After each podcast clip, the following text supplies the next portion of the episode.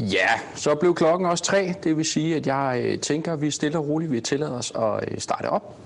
Først og fremmest så vil jeg godt have lov at sige øh, velkommen til. Vi skal i dag køre et lille webinar omkring det her med økonomien i forhold til valg af vores gruppeopbud. Mit navn er Peter Madsen, og jeg arbejder herinde på Tech Frederiksberg i vores efteruddannelsesafdeling, hvor jeg til daglig arbejder med lov og regler, dimensionering, lavs og, og hvad hedder det, verifikation. Udover det, så sidder jeg også med i S564-udvalget, som er det udvalg, der sidder og behandler øh, den standard, vi alle sammen arbejder efter, altså 60 og 50 Udover mig selv, så har jeg taget min øh, kollega Henrik med, og han kan få lov til at øh, præsentere sig selv. Det er så mig. Jeg hedder Henrik Peter Jørgensen. Øh, jeg har været på Tech i 10 år. Fem af dem på grundforløb, og de resterende fem på første hovedforløb. Nu er jeg så kommet op i efteruddannelsesafdelingen og skal supportere massen her med, med kurserne. Yes. Jeg vil lige øh, tillade mig at øh, dele min skærm mere, fordi så bliver det lidt lettere at se, hvad der øh, står på den og så videre. Sådan der. Øhm, skal jeg lige sådan der. Det vi øh, skal igennem i dag, det er øh, en masse forskellige. Det er blandt andet noget omkring, hvad for nogle øh, lov og regler er det, vi skal følge. Hvad er det for, øh, altså hvor kan vi finde de her ting i forhold til fællesregulativet? Hvordan beregner vi øh, IKMI? Så kommer vi med et eksempel på det her omkring IKMI, altså fra kabelskab til tilslutningssted. Så kommer vi til at kigge lidt på de forskellige øh, gruppeafbrydere, de mest anvendte gruppeafbrydere og de egenskaber, som de her gruppeafbrydere nu engang har. Vi kommer til at kigge på, hvad for noget, øh, altså, hvordan vælger vi så de gruppeafbrydere, der passer til. Så opsummerer vi perspektiverer lidt på det, vi har været igennem. Efter det, så øh, kommer der en lille smule omkring kortslutningskontrol. Noget, vi har valgt at kalde selektivitetsproblemet, som, som kommer til at relatere sig ret meget til det her omkring øh, økonomien og hvordan skal vi bruge det. Og afslutningsvis vil der være øh, plads til spørgsmål. Jeg kan se, at øh, eller jeg, I på jeres skærm, der har I tre knapper. I har en, der hedder Raise Hand, som I kan bruge til at stikke hånden i vejret. Jeg kan se, at Michael allerede har øh, stukket hånden i vejret. I har en knap, der hedder øh, QA. Der kan I skrive spørgsmål direkte til os. Øh, det vil jeg gerne bede om at gøre i den, der hedder QA, i stedet for at gøre det i chatten, fordi i chatten kan der godt være en risiko for, at det drukner. Så derfor, så, hvis I bruger den, så kan jeg se det direkte på min skærm, og så kan vi tage den derfra.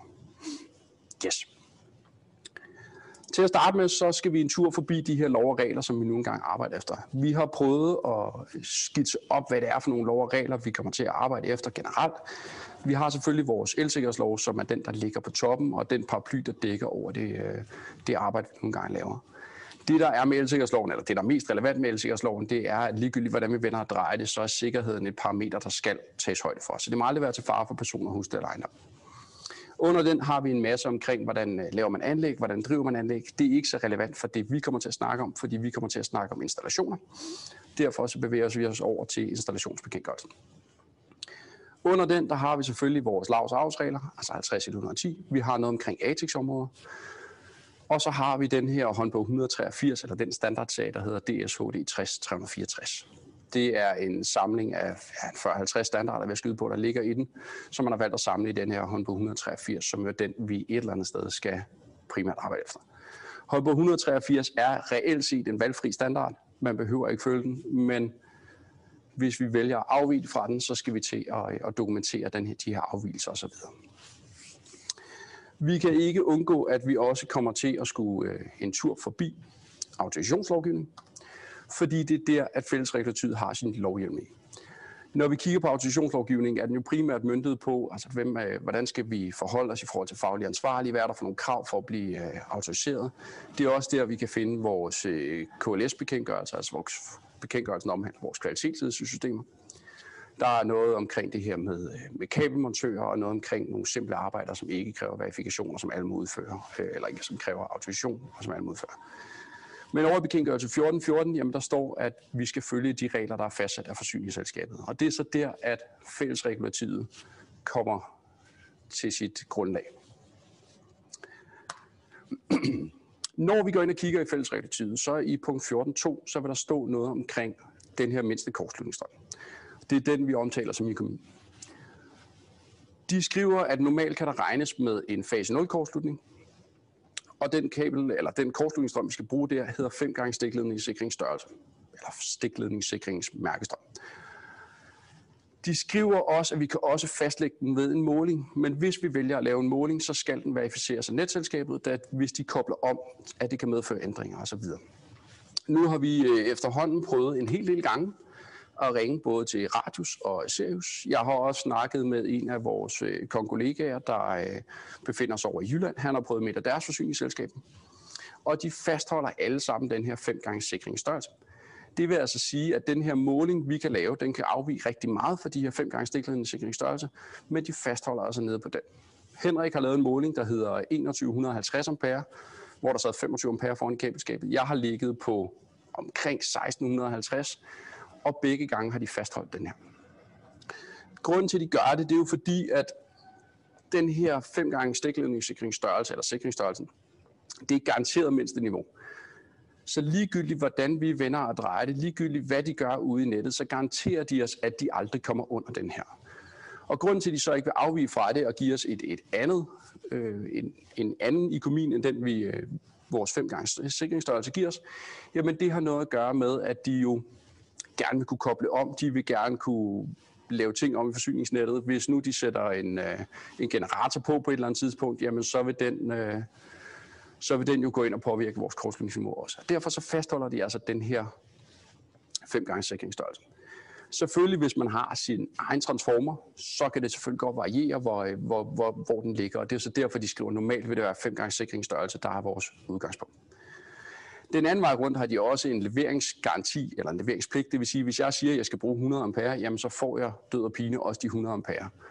Og det kan også godt være, det vil vi se senere, at vi, hvis vi har kabelskab eksempelvis, hvor der sidder 25 ampere i den ene kabelskin, men der sidder 100 ampere i den anden kabelskin, men så bliver vi nødt til at regne med den sikring, der sidder foran os. For det kan være, at de finder på at splitte skabet op i to på et eller andet tidspunkt i en ubestemt fremtid. Så derfor så bliver vi nødt til at forholde os til de fem gange sikringsstørrelse, som de kigger på. I forhold til det her med beregningen, så vil jeg øh, overlade ordet til Henrik, da han vil øh, tage en tur igennem det. Ja, øh, som jeg skriver, får vi at kan beregne økonomien, og det skal vi jo så gøre helt ud til det øh, sidste tilslutningssted, vi overhovedet har, så skal vi jo starte med at, at, at kende øh, nettets modstand. Så må massen gerne trykke lidt. Ja. Nettets modstand, det er jo den, der bliver udtrykt i vores øh, 230 volt divideret med vores øh, 5 gange stiklingssikringsstørrelse så har vi et udtryk for, hvad nettets modstand er, altså det net, der ligger bagved kabelskabet. Og det er faktisk et billede af den øh, pågældende kabelskab, som øh, Peter Madsen snakker om, hvor der sidder 100 ampere i den tredje sikringsliste, og så sidder der 25 ampere i de to andre. Alligevel fik vi ikke lov til at regne med, med 100 ampere. Det var det eksempel. Nå, vi skal også fra øh, kabelskabet, så skal vi jo gennem stikledningen, så skal vi frem til gruppetavlen. Øh, og så skal vi jo så videre fra gruppetavlen og så helt ud til tilslutningsstederne via øh, gruppeledningen. Øh, vi skal jo nok beregne vores økonomi for hver strømkreds, vi overhovedet har ude, i, øh, ud, fra, ud fra tavlen af, så vi kan vide, hvad vi kan sætte af overstrømsbeskyttelsesudstyr på. Ja. For at kunne beregne øh, øh nettets modstand der, så øh, den komplette formel har jeg skrevet, og det er den allermest korrekte form, hvor man tager udgangspunkt i 400 volt divideret med kvadratrod 3. Det giver 230,9 volt. Og så kan man så øh, stadigvæk dividere med 5 og IN, og så fandt jeg ud af, at Sirius nede i Sjællandsområdet, de har en KSFI på 0,8. Det betyder bare, at når vi øh, hiver vores øh, resistens ud for vores impedans, så får vi en lidt mindre resistans, end vi gør, hvis vi bruger den nederste form. Får vi en lidt mindre øh, impedans eller resistans, øh, så ender vi ud med at få en lidt højere ikomin. Og så er det, jeg siger, det er sådan et udtryk for, at det ikke er det værst tænkelige tilfælde, vi egentlig regner på. Man kan selvfølgelig sagtens. Så den, vi bruger på skolen, og den, jeg er mest tilhænger af, det er den nederste, vi vil bare sige 230 volt, altså også det, der hedder nominel spænding. Divideret med 5 gange, og så sikringsstørrelsen ud i, i nettet. Så har jeg ligesom værste tilfælde at gå ud fra. Så kan det ikke blive værre end det. Ja. Øh, eksemplet har vi her med 25 ampere ud i kabelskabet og vi har trukket en stikledning på 16 kvadrat, 4x16, og den er 25 meter lang. Og en gruppeledning 3 gange halvanden, som forsyner øh, strømkredsen øh, med stikkontakter på, og den er så i alt 45 meter. Så vi skal beregne nettets modstand, og den er jo så nominel spænding 230 volt divideret med 5 gange 25, det giver 125, det giver 1,84 ohm eller 1840 milliohm. Og så skal vi til at finde modstanden på stikledningen. Den kommer der. For at kunne gøre det, skal vi bruge et øh, NKT-katalog fra 2017, hvis der er altså et NKT-kabel, øh, vi har. Øh, de andre producenter har jeg mærke til, de har stort set samme, øh, eller har faktisk samme øh, ohmske værdier. Den tabel 13, den opgiver det i øh, ohm per kilometer, men det er jo så det samme som milliohm per meter. Så vi tager bare og siger, øh, for en 16 kvadrat er det 1,150 million per meter, så ganger vi med 25. Og så skal vi huske at gange 2, fordi det er jo fase 0 kortslutning, vi regner på, så vi skal sige gange 2 der. Og så er der en sikkerhedsfaktor, som går ud på, at øh, vi regner på varmekabler, når vi regner IK-min, hvor vi så regner på kolde kabler, hvis det er IK-max. Så vi har sat en sikkerhedsfaktor ind, som også gør, at der er varme i kablerne, fordi så stiger modstanden jo, og øh, eventuelle samlinger undervejs kan også afgive lidt øh, modstand øh, til det hele samlet der. Der er en, øh, jeg ved ikke om du lige vil tage den med, med den standard, der også er i stedet for faktor 1.5. Jo, det vil jeg gerne. Man er begyndt at kigge på, specielt på installatøruddannelsen og de videregående uddannelser, at kigge på en øh, teknisk rapport, der hedder øh, 50480, som er, øh, som er en, en måde at fastsætte den her øh, faktor på, øh, og den vil så variere alt efter, hvad det er for en kabel, vi bruger, og alt efter, øh, om kablet eller den ledning, vi regner på, ligger sammen med de andre, eller om det er et separat kabel osv. Så, øh, så der vil være en masse parametre der, man skal ind og, og kigge på. Man har i rigtig mange år valgt at gå med, med faktor halvanden og regne med det, og, og når man kigger på den sådan rent øh, variationsmæssigt, så vil øh, variationen være meget, meget lille ved at gå ind og bruge den, den fra 50-480 kontra halvanden. Men det er jo for at forstå teorien bagved og så videre, de er begyndt at, øh, at arbejde sig hen imod den. Jeg kan også se, at øh, vi har fået et spørgsmål omkring, det er muligt at få udleveret vores PowerPoint slides bagefter, og det er det helt bestemt. Vi sender dem til jer. Der vil være et enkelt slide, vi bliver nødt til at fjerne, og det er fordi, det er et slide, der indeholder et udklip fra standarden 6364, og det må vi ikke udlevere på grund af copyright fra den standard. Men ellers så vil det, øh, så vil det selvfølgelig komme med der. Ja, så er der en lille kommentar, fordi man kan selvfølgelig øh, sidde og tænke, hvor varm bliver den stikledning egentlig, når den kun er forsikret med 25 ampere, og det er en 16 kvadrat, så hvorfor skal vi hele tiden gang med halvanden? Det kunne jo være, at den selv samme stikledning på et eller andet tidspunkt bliver opgraderet med 35, 50 eller 63 amperes forsikring, hvad det nu det bliver til, fordi vi skal til at have de der ladestander ind øh, omkring huset og alt det der. Så igen for at være på den sikre side, så øh, bruger vi den gange halvanden der. Ja. Så er vi fremme med gruppetavlen. Nu har vi fastlagt øh, nettets øh, modstand og stikningens modstand. Skal vi bare lægge de to sammen, så ender vi på ca. 1,926 ohm. Det dividerer vi så op i vores nominelle spænding, så har vi en ikomin i tavlen på rundt regnet 120 ampere. Øh, jeg synes personligt, det er en god idé at mærke tavlen op med de 120 ampere, fordi så ved man, hvad udgangspunktet er øh, for videre dimensionering af øh, de resterende strømkreds. Så det kunne være en god idé. Ja. Så, men vi skal jo videre ud til øh, tilslutningsstedet, altså stikkontakt, eller hvad vi nu har sluttet til. Så skal vi bruge gruppelængdesmodstand også og lægge oveni. Og der er det samme tabel igen, nemlig tabel 13 for NKT's øh, katalog for 2017 der. En halvanden kvadrat har en modstand på 12,10 million per meter, og her har vi jo så 45 meter alt i alt, og vi ganger igen med to på grund af to leder, og igen med vores øh, varmefaktor, og ender på 1,6 ohm cirka, eller 1633,5 millioner. Så skal vi bare have lagt det sammen, og det gør vi her på næste slide her. At vi lægger det hele sammen, både øh, det niveau, vi nu havde i gruppetavlen, som bestod af nettet og stikledningen, plus min gruppeledning, og det skal så være for hver strømkreds, man gør det her. Så får vi cirka øh, 3,56 ohm øh, rundt regnet. Og det dividerer så op i vores nominelle spænding igen, vores 230 volt, og så kan jeg sige, at jeg har en prospektiv kortslutning i min stikkontakt, som er på billedet der på 64,6 ohm eller ampere. Grunden til, at det hele er prospektivt, det er, fordi de virkelige forhold er jo ikke sådan, men øh, det er jo det, vi skal forholde os til, øh, jævnfør den der bekendtgørelse 1414, og jævnfør det, øh, hvad hedder det, den netselskaberne siger. Så vi, det bliver noget skrivebordsarbejde, det her. Vi kan ikke øh, måle os ud af det, som vi lige har fundet ud af. Så nu har vi fastlagt øh, tilslutningsstedets øh, 64,6 ampere. Den, den skal vi bruge lidt senere også.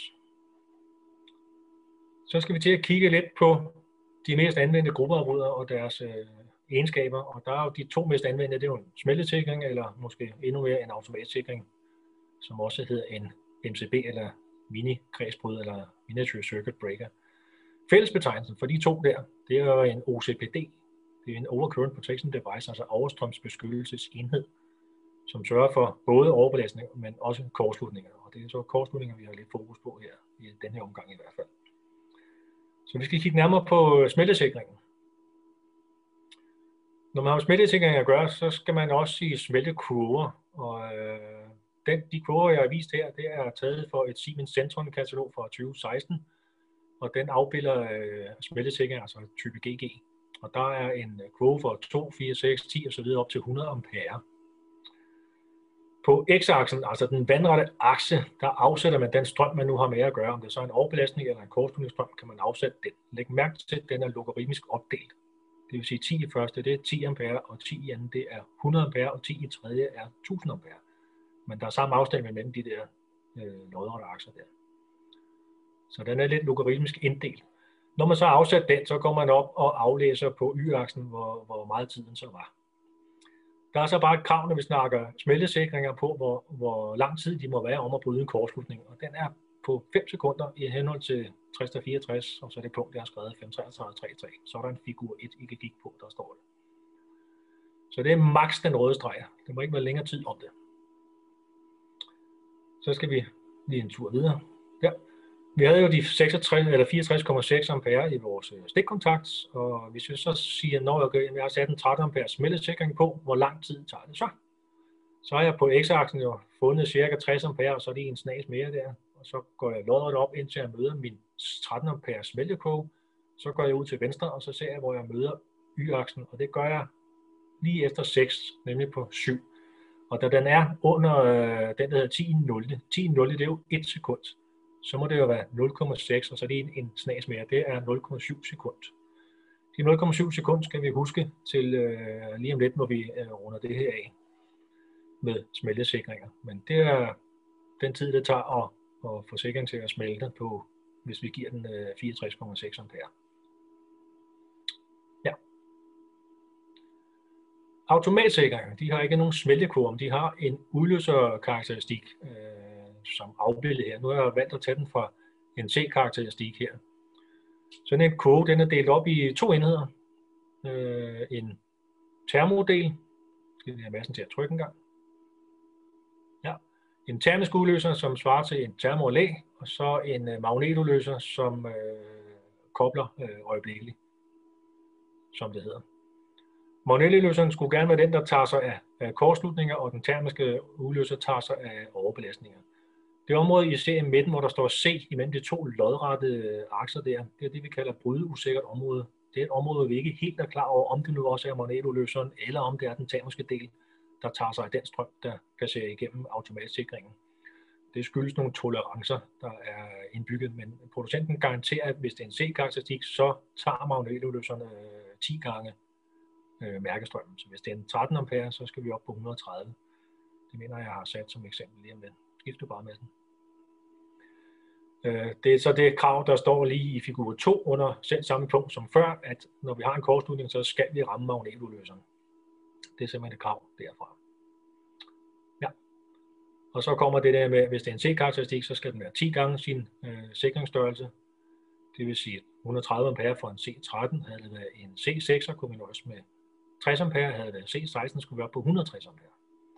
En B-karakteristik, den har flyttet de to lodrette akser der lidt længere til venstre, så den, der vil dens magnetudløser udløses med 5 gange mærkestrøm. Det vil sige, at her skal vi altså, kan vi nøjes med 65 ampere for en øh, automatsikring med karakteristik B på 13 ampere. Så kan man så spørge, hvad er så forskellen på øh, B og C karakteristik? Og B-karakteristik, den øh, er ikke så tolerant over for startstrømme som øh, C, og så er der også en, der hedder D, øh, R. Øh, anvendes hovedsageligt i boliginstallationer, som der står til belysning og stikkontakter. Det er faktisk den mest anvendte i Tyskland til boliginstallationer, det er med B-karakteristik. Hvorfor vi så her i Danmark øh, bruger C-karakteristik, det har jeg ikke rigtig noget svar på. Den er bare bedre til startstrøm, hvis du har en stor rundsav eller en motor eller et eller andet, der hiver noget startstrøm. Fordi hvis startstrømmen kommer op i enten det brydesikre område eller op i øh, magnetudløserens område, så vil den jo slå fra, koble ud øh, øjeblikkeligt. Hvis det er brydeusikre område, så kan vi risikere, at den gør det i hvert fald. Øh, karakteristik D skal også gå op på øh, 20 gange sikringsstørrelsen, før den øh, rammer kors- eller magnetudløseren. Så den er meget mere tolerant for øh, startstrømmen. Og det, som de skriver, det kan jo være svejsetransformer eller store motorer eller andet. Så det er forskellen på dem. Ja.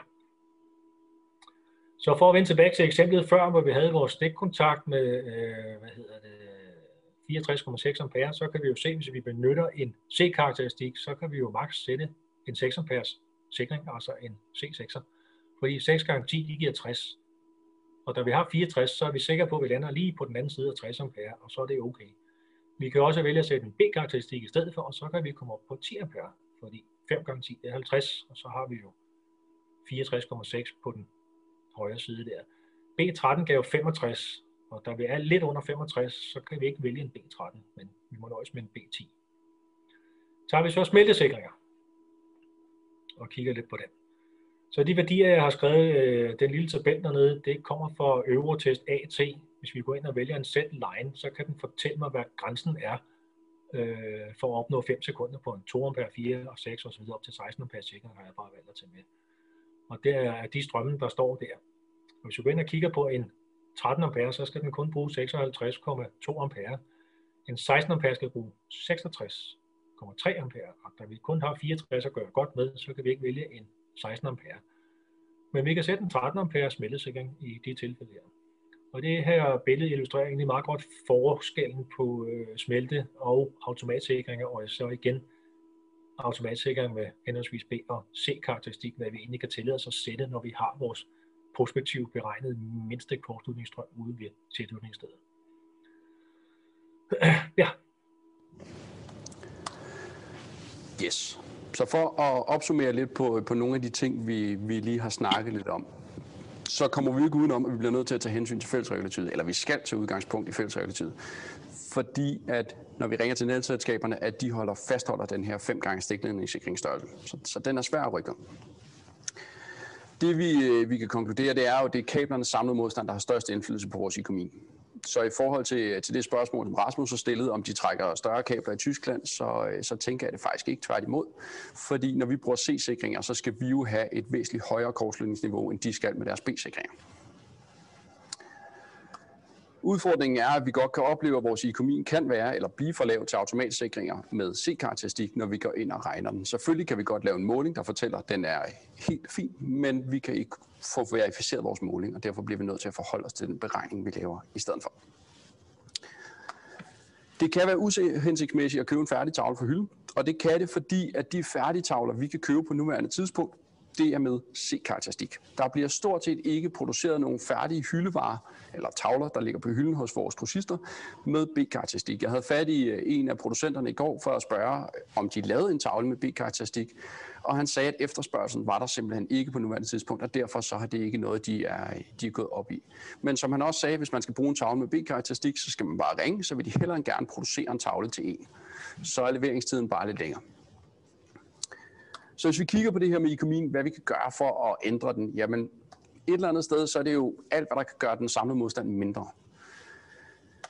Den nette løsning, også den dyre løsning, det er selvfølgelig at købe en større sikring ude i kabelskabet. Det koster 1.000-1.200 kroner, alt efter hvad man spørger, per ampere, man gerne vil hæve den. Så hvis vi gerne vil gå fra 25 til 35, så stiger vores kortslutningsniveau jo en hel del. Men det koster os også 10-12.000 kroner at gøre det.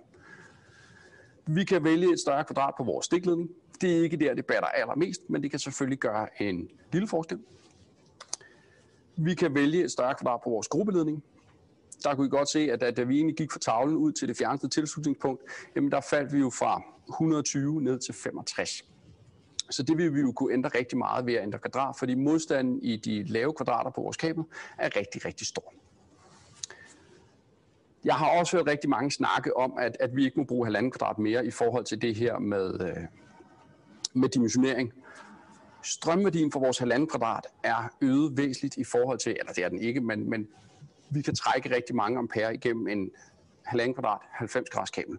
Reelt set, hvis vi ligger den ideelt, kan vi komme helt op og trække 24-27 ampere, alt efter oplægningsform, igennem en helt almindelig halvanden kvadrat. Men hvis vi kigger på den beregning, vi lige har lavet her med vores kortslutningsstrømme, jamen så hvis vi svider 24-27 ampere igennem, så gør det også noget med vores kabellængde. Det vil sige, at vores kabel skal ende med at være meget kort, for ellers vil det her aldrig nogensinde komme til at holde. Rasmus, han spørger, øh, Rasmus Hansen spørger, om, om en automatisk med B-karakteristik ikke springer, hvis en støvsuger tilsluttes en, en øh, stikkontakt. Jo, det kan du godt risikere, hvis du har en gammel støvsuger. De nye støvsuger, der er bygget, burde det her ikke være et problem med. Selvfølgelig, hvis du øh, rammer et sted, hvor der bor gamle mennesker, de har støvsuger for gode gamle dage, der hvor tingene var bygget til at holde. De har en rigtig stor startstrøm, men de støvsuger, vi kører med i dag, har typisk ikke en særlig stor startstrøm. Selvfølgelig, hvis du begynder at, øh, at pløje industristøvsuger på og sådan nogle ting, som jeg gør hjemme hos mig, fordi jeg har hund, to børn og en kone, så sker der lidt med startstrømmen, og så kan det godt blive lidt udfordrende. Vi kan selvfølgelig også prøve at se, om vi kan få et kortere kabel i forhold til den her strømkreds. Det kan være, at vi kan sætte den, hvis nu det er en stikkontakt, vi er i gang med at lave, kan sætte den på en anden gruppe med et øh, kortere, øh, kortere kabel. Det kan være, at vi kan kigge på i forhold til, om vi skal, kan ændre føringsvejen eller tilsvarende. Det er jo også det her, der kan være rigtig, rigtig udfordrende. Jeg har hørt nogle elektrikere sige, at de ikke behøvede at kigge på økonomi, for det havde dem hjemme på kontoret gjort. Og det er jo så her, at, at den her del med instruktion kommer rigtig, rigtig meget til sin ret. Fordi at hvis jeg har siddet hjemme på kontoret, lavet en beregning på økonomien, fundet ud af, hvor langt må det her kabel være. Men jeg glemmer at fortælle montøren, der skal ud og lave det, hvor langt det her kabel må være, og han så trækker det kabel den vej, han synes, det skal være. Så kan der jo være forskel på, om, om han har trukket det længere, end det, jeg egentlig vil have. Har han trukket det kortere, så er det selvfølgelig super fedt, men længere, så vil økonomien jo være mindre, end det, jeg egentlig havde regnet med. Det har også været på tale at snakke omkring undertavler. Det har primært været i forhold til dimensionering. Jeg har set det her tidligere, men her der vil det jo også ændre noget, fordi min, min gruppeledning vil blive kortere, og jeg vil have større kabel mellem, eller større kvadratkabel mellem mine undertavler. Så, så det kunne også være en mulighed. Og i sidste ende, så er alternativet jo egentlig bare at sætte en mindre sikring foran den pågældende strømkreds. Hvis vi hopper tilbage og kigger på det eksempel, vi havde lige før, så har vi kigget lidt på den, hvis vi gerne vil op og snakke en 10 ampere sikring, altså med C-karakteristik, C10, så kommer vi ud i, at vores beregning vil vise, at det her faktisk skal op og være en 6 watt kabel. Det er vi selvfølgelig ikke helt interesseret i, fordi det bliver lidt besværligt at få ned en stikkontakt, der er godkendt til 2,5 kvadrat. Vi kunne selvfølgelig begynde at ændre sikringen op til 35 ampere. Så kan vi gå ned på en 2,5 kvadrat. Vi kunne selvfølgelig også vælge at, øh, at hoppe helt op på 63, så har vi også brugt rigtig mange penge, men så kan vi fastholde den her kvadrat, vi havde fat i og så må vi så trække op til 49 meter kabel. Selvfølgelig kan man også sige, at 46 meter kabel er, øh, er rigtig, rigtig lang. Øh, men det kommer selvfølgelig an på, hvad er det for en hus, og hvordan og hvorledes er, øh, er indretningen i det pågældende, den pågældende bygning, for at se, hvor langt den her strømkreds nogle gange kan være.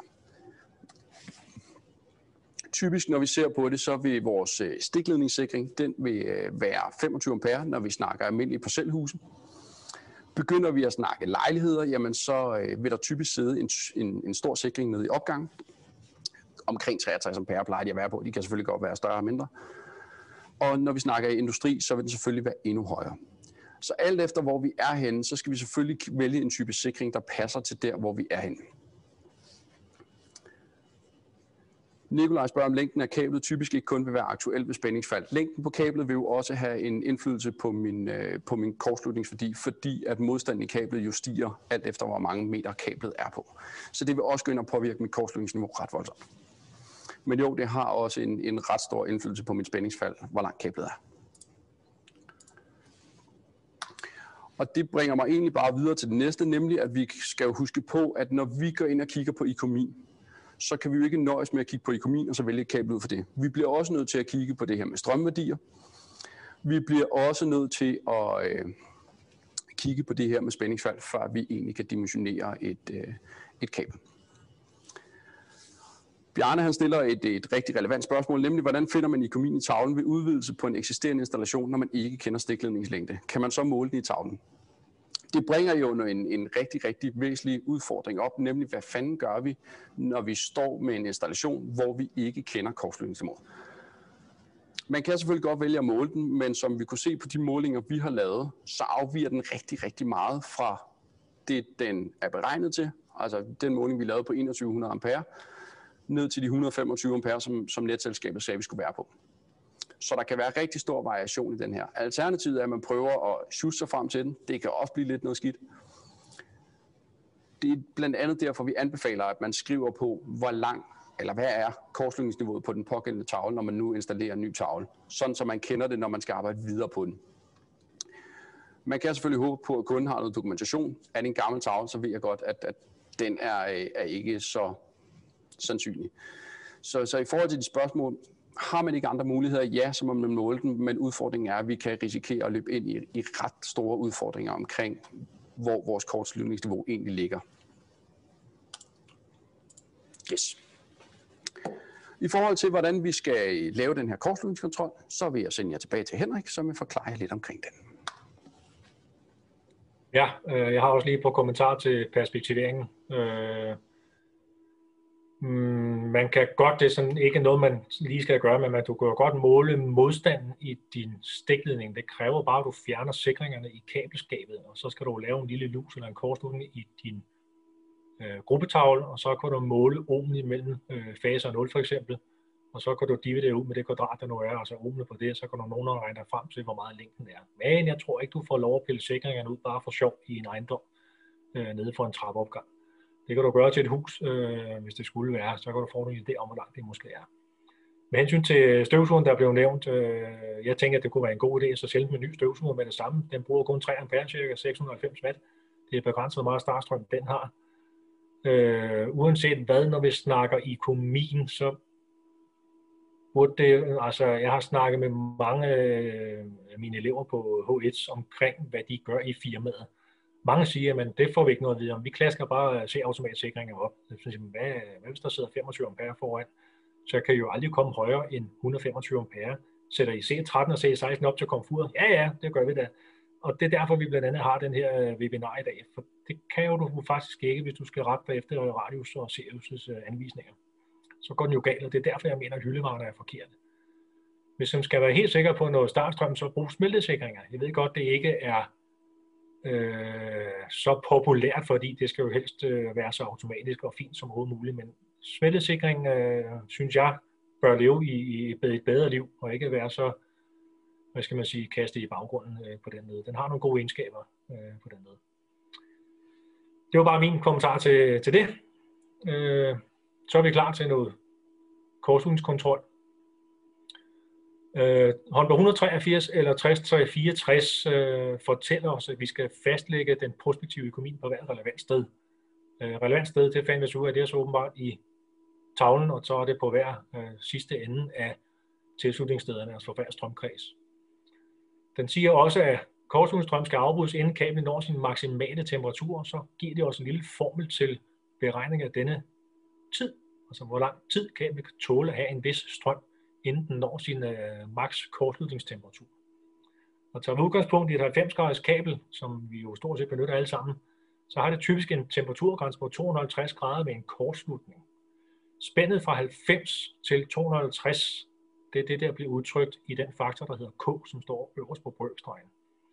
Ved det der 90 graders kabel, så er den på 143. S skal jeg lige sige, det er kablets tværsnit, og I nede på i nævneren, det er den strøm, vi nu har med at gøre, det vil sige vores prospektiv i økonomien. For eksempel, så får vi tiden ud af det der, når vi benytter den formel der.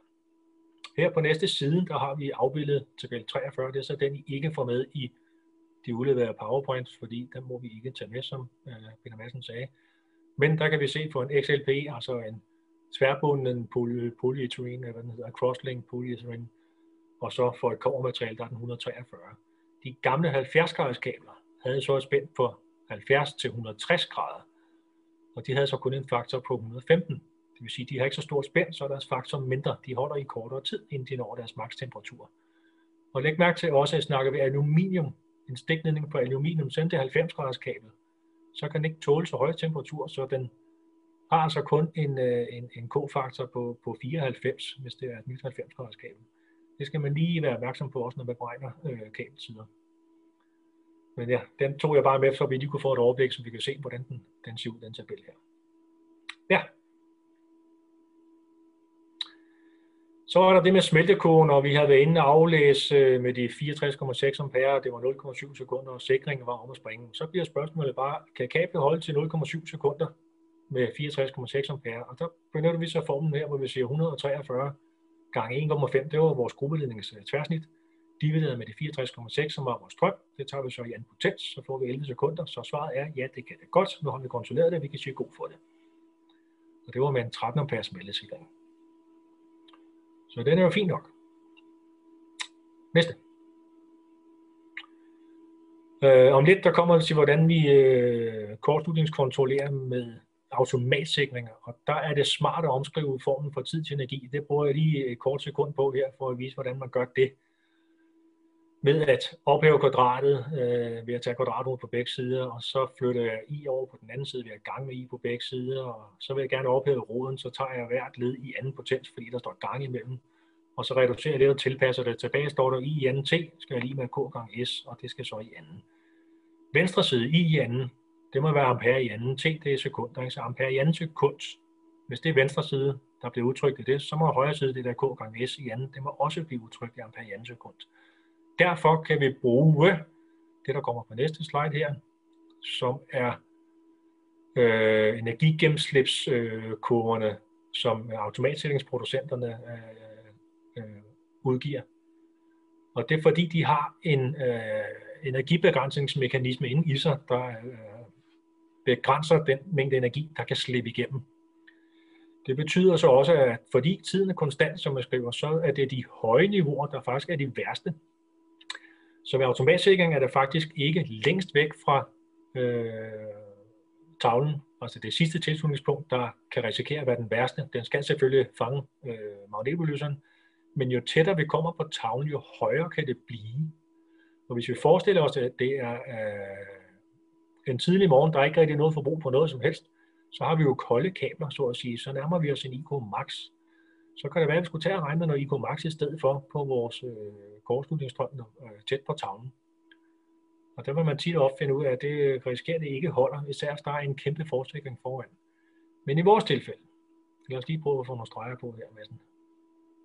Der, der har vi sagt, at et halvanden kabel, hvis jeg regner den energi, den kan tåle ud til 46.000 ampere i sekund og afsætter den op ad y-aksen. Så jeg kan gå hen og ramme øh, en 16-13 amperes øh, øh, øh eller energikvote der, og så kan jeg se, at der skal tæt på 20 kiloampere til, en smule mindre altså, inden vi rammer de 46.000. Så god er den til at begrænse øh, energigennemslippet i den. Der sidder noget inde i, der gør det. Og da vi ved, at vores, øh, ligesom vores IK-min er 5 gange stiklingesikring, så ved vi også, at vores IK max er 16 kA. Så i min optik, der er vi stort set altid på den grønne gren, når vi snakker IK max med hensyn til energi gennem slip. Det vi bare skal være opmærksom på, det er den påtrykte øh, ICN, der står på vores automatsikring, nemlig hvor mange kiloampere kan holde til ved en kortslutning. Det falder lidt uden for emnet her, men det skal man være opmærksom på, og ja, så kan der godt være en backup-sikring, der sørger for, at den sagtens skal holde. Så nogle ting skal man også være sikker på. Ja, vi tager næste. Så nu har vi nogenlunde styr på, at øh, vores kortslutningskontrol og vores øh, er sikre på, at vi rammer øh, magnetudløseren på vores automatsikringer. Så er der et problem, som jeg ser det i hvert fald, og det er der også øh, en del, der har oplevede oplevet i hvert fald, at man ikke rigtig helt forstår, hvorfor det er sikring i kabelskabet, der øh, springer eller smelter, eller hvad det nu hedder, når der kommer en kortslutning. Men det er jo så fordi, at den er så tæt på tavlen, den kortslutning, at den energi, der er øh, når ikke at fange automatsikringen på den 0,1 sekund. Det vil sige, at energien er større end det. Det vil sige, at den får sikring i kabelskabet til at at springe på mindre end 0,1 sekund. Og så har vi jo selektivitetsproblem, som jeg ser det. Havde det været smeltesikring i tavlen og smeltesikring ude i det, der som regel er ude i kabelskabet, så skal vi bare have en faktor 1,6 til 1. Det vil sige, hvis der er 25 ampere ude i kabelskabet, som man skriver, så kan du have op til 16 ampere smeltesikring i din gruppetavle. Selektiviteten mellem det smeltesikring til ude i kabelskabet og automatsikring i gruppetavlen øh, specificerer fabrikantens selektivitetstabel, og den er så fabrikantafhængig, som vi skal se på de to næste slides.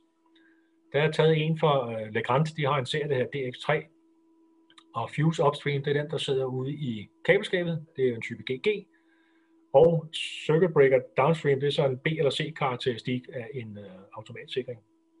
Og hvis massen lige trykker en gang, så har jeg taget et eksempel i 10 amperes, enten B10 eller C10, sammen med en 63 amperes foran. Der er der altså selektivitet op til 3200 ampere. Hvis det kommer over det, så kan vi risikere, at den springer 63 ampere i stedet for, at den selv slår fra. Vi kan også lægge mærke til, at de slet ikke har nævnt 25 ampere i kabelskabet. Så må det jo, jeg jo tolke det sådan, at der faktisk ikke er nogen selektivitet med 25 ampere i kabelskabet foran. Det vil der nok være lidt alligevel, men det er ikke noget, de specificerer. Vi kan se den for en 6 ampere med en 32 ampere foran, altså lige op over, der er den op til 1300 ampere, men de specificerer den ikke for en 10 ampere. Hvis vi tager skridtet videre her og går over på øh, Hacker-serie, øh, tryk det bare igen med den, så kan vi se, at de specificerer for 25 ampere, og men også for 63 ampere. Hvis vi tager en 10 amperes øh, B-karakteristik for Hacker, så har de faktisk selektivitet op til 900 ampere eller 0,9 kA ved 25 ampere foran.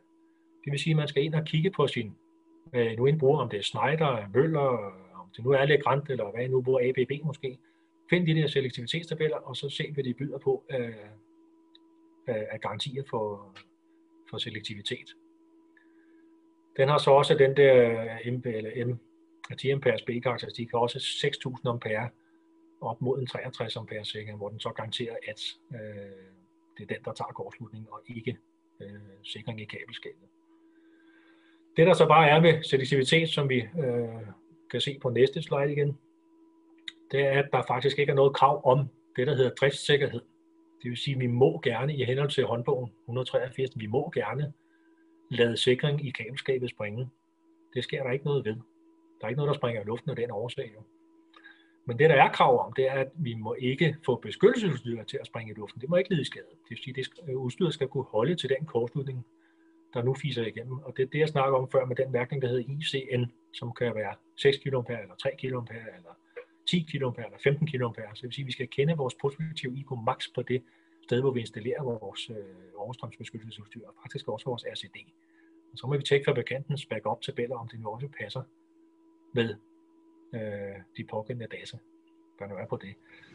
Det lille arbejde, der bare er, selvom der ikke er krav, så kan det godt være, der står i udbudsmateriale, at bygherrer forlanger fuld selektivitet, og så vil vi nok have lidt af en udfordring. Det kan være, at vi skal smide 5, 6, 10 meter ekstra stikledning i jorden for at få niveauet ned i vores tavle, før vi kan byde på det. Ja, så falder vores økonomi i sidste øh, tilslutningssted også, men så må vi trække nogle tykkere øh, kvadrater, nogle større kvadrater fra tavlen ud til vores øh, tilslutningssteder. Ja. Yes, jeg vil lige øh, komme med en, en lille kommentar her. Nu snakkede Henrik lidt omkring den her ICN-værdi. Der er også noget, der hedder ICU-værdi, og alt efter om vi bruger vores øh, automatsikring for øh, i en bolig, eller en lægemandsbetjent tavle, eller en instrueret tavle, så kan der altså være forskel på den her værdi. Så det, en ting er der, når vi køber en automatsikring, det er også lidt ude for emnet i dag, men når vi køber en automatsikring på 6 kA, så skal vi altså lige være opmærksom på, hvor skal jeg bruge den her automatsikring henne. Og så gå ind og kigge på den værdi, der så står i databladet. Så jeg kan ikke bare gå ud fra, når jeg vælger en automatsikring hos kursisten, at den rent faktisk er på 6 kA. Og så skriver øh, Nikolaj, om det ikke vil være bedre at lave en selektivitetsanalyse imellem de to energigennemslip, så producenterne ikke giver to forskellige sikkerhedsnumre. Og jo, selvfølgelig, man kan sagtens gå ind og lave en, en selektivitetsanalyse, om den vil være bedre end, end at forholde sig til producenten. Altså, de garanterer det her. Så om du vælger den ene eller den anden, det, det kan jeg ikke se en stor forskel på. Men jo, selvfølgelig, hvis du, øh, hvis du sidder med, energi, med de to energigennemslip og har mulighed for at lave den her selektivitetsanalyse, så, øh, så kan du selvfølgelig godt gøre det. Det bringer os også videre til øh, den sidste på dagen, nemlig det her omkring øh, spørgsmål. Og jeg kan se, der øh, kommer en masse ind her. Skal jeg lige lukke her. Bjarne skriver, hvis nu jeg vil udskifte en gruppe med smeltesikringer til en kombiautomat, er det så ok at måle i komin i tavle og sidste ende på gruppeledningen, således at der for eksempel er 10 gange IN. Hvis jeg skal måle min komin, så skal jeg verificere den af forsyningsselskabet. Så hvis jeg gerne vil skifte den ud til en kombiautomatsikring, så kan jeg jo ikke få verificeret den her måling, for det er det, vi har prøvet utallige omgang. Du kan godt lave din måling, og den vil være helt fin. I morgen kan forsyningsselskabet komme og lave et eller andet om i nettet. Jeg siger ikke, det sker, men det kan de gøre. Og hvis de går ind og gør det, jamen så er din installation lige pludselig ikke god nok mere. De garanterer os kun de fem gange stikledningssikringsstørrelse. Så hvis du vil ind og ændre fra eksempelvis en smeltesikring til en kombiautomat, jamen langt hen ad vejen vil du kunne klare den med en B-sikring, da den jo øh, går ind og har næsten, næsten det samme som en smeltesikring. Men i forhold til målingen, så kan du ikke hvad hedder det, stole på den måling, fordi de ikke vil verificere den, hvilket er pisse latterligt. Men, undskyld mit franske, men det vil være rigtig rart, men det, hvis de vil. Men det er simpelthen i forhold til deres garanti, at de ikke vil gøre det her. Øhm, så skriver Rasmus her, er det korrekt forstået, at automatsikringer kræver større sikring i forsikringstavlen, altså for selektivitet? Hvis du gerne vil have den her øh, selektivitet og gerne vil kunne garantere det for din kunde, ja, jo større sikring, der sidder ude foran i din, øh, i, altså større smeltesikring, der sidder i forsikringstavlen, så vil du have lettere ved at opnå det her selektivitet. I hvert fald, når vi går ind og kigger på de her tabeller. Og Niels skriver, at vi anbefaler, at man ved længere træk 50-100 meter benytter en automatsikring type A i stedet for højre kvadrat, så frem der ikke er større startstrømme. Umiddelbart så vil, jeg, øh, så vil du løbe ind i nogle udfordringer omkring de der 50-100 meter, i, øh, hvis du skal ind og, og kigge på spændingsfald også. Men, men ja, du kan selvfølgelig godt gå ind, hvis ikke du har nogen startstrøm af betydelige størrelse, så kan du godt gå ind og, øh, og kigge på det her omkring og, og vælge en anden automatsikring, eller en mindre automatsikring, eller gå helt over og, og vælge smeltesikring i stedet for.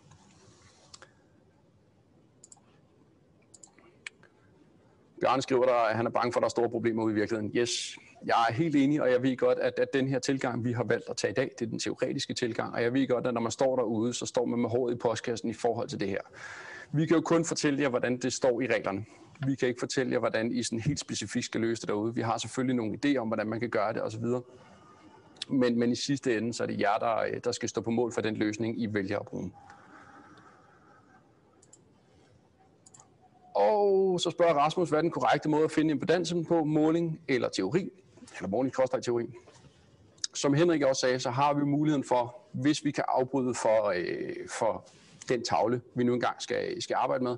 Hvis vi har mulighed for at afbryde for den, altså fjerne sikringerne, der sidder foran, så kan vi jo lave en modstandsmåling på kablet, kigge på kvadratet, og ud fra det, så kan vi regne os frem til, hvad er, hvor, hvor langt er det her kabel, hvis ikke vi har mulighed for at skridte det op. Alternativt så må vi skridte det op, lægge nogle meter til, og så, øh, så bruge det til vores beregning.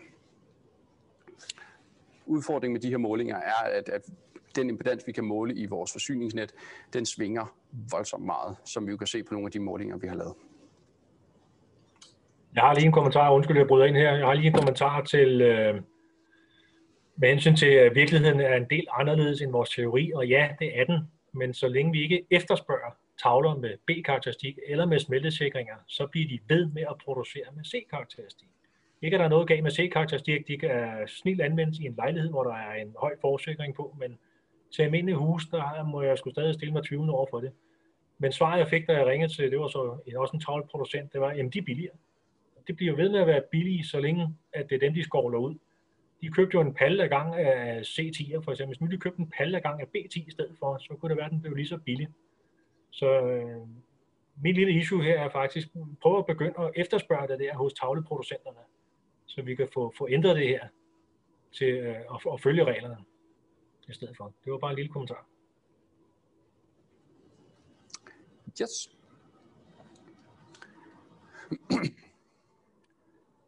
Det ser ikke ud, som om der er øh, flere spørgsmål. Øh, vi sender selvfølgelig det her PowerPoint til jer. Øh, det kommer også til at ligge på vores, øh, nu kan jeg se, der lige kom et, øh, et spørgsmål ind. Hvad skal vi så bruge de fine installationstester til, når ikke vi kan bruge IK, øh, IK Min og IK Max til noget? Du skal jo bruge den til at teste alle de andre dele ved installationen, altså installation, isolationstesten, RCD-testen, øh, og så videre og så videre. Jeg vil stadigvæk også anbefale, at du laver en måling ude i slutpunktet, men du kan ikke bruge den måling til noget som helst, desværre, når vi kigger på, hvad der står i fællesregulativ. Forhåbentlig så bliver det ændret, men jeg har øh, lavet mig fortælle af en af dem, der sidder med hos fællesregulativet, at, at det ikke er noget, de har tænkt sig at, at ændre på, det her med, at de ikke vil, øh, vil verificere den her måling, desværre. Yes. Vi har lige, øh, skal lige finde den der, sådan der. Der er selvfølgelig øh, en masse ting, vi herinde for Tech gerne vil, øh, vil ud og reklamere med og gøre og hjælpe med undervisning og sådan nogle ting. Øh, og der har I mulighed for og at kontakte Philip, hvis I gerne vil have ud og have nogle kurser hos eller fra os. Afslutningsvis så har vi en lille afstemning i forhold til, om øh, hvordan det her webinar har været, om det har øh, levet op til jeres forventninger, om I har fundet brugbart med, og den afstemning skulle meget gerne dukke op på jeres skærm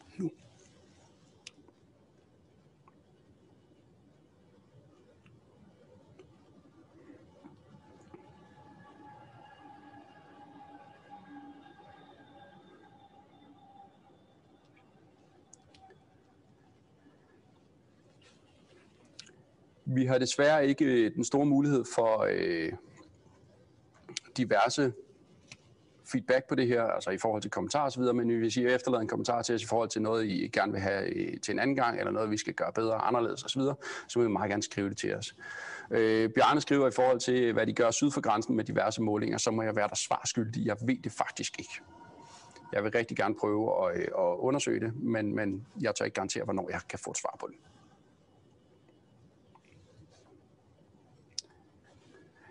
Ellers med det sagt, så vil vi gerne have lov at sige uh, tusind tak for i dag. Det har været en uh, fornøjelse, at I vil bruge jeres uh, eftermiddag sammen med os. Og vi håber selvfølgelig, at vi ser jer alle sammen igen, uh, når nu vi uh, får lov til at, at åbne op for, uh, for undervisning og kurser osv. Ja, tak for i dag.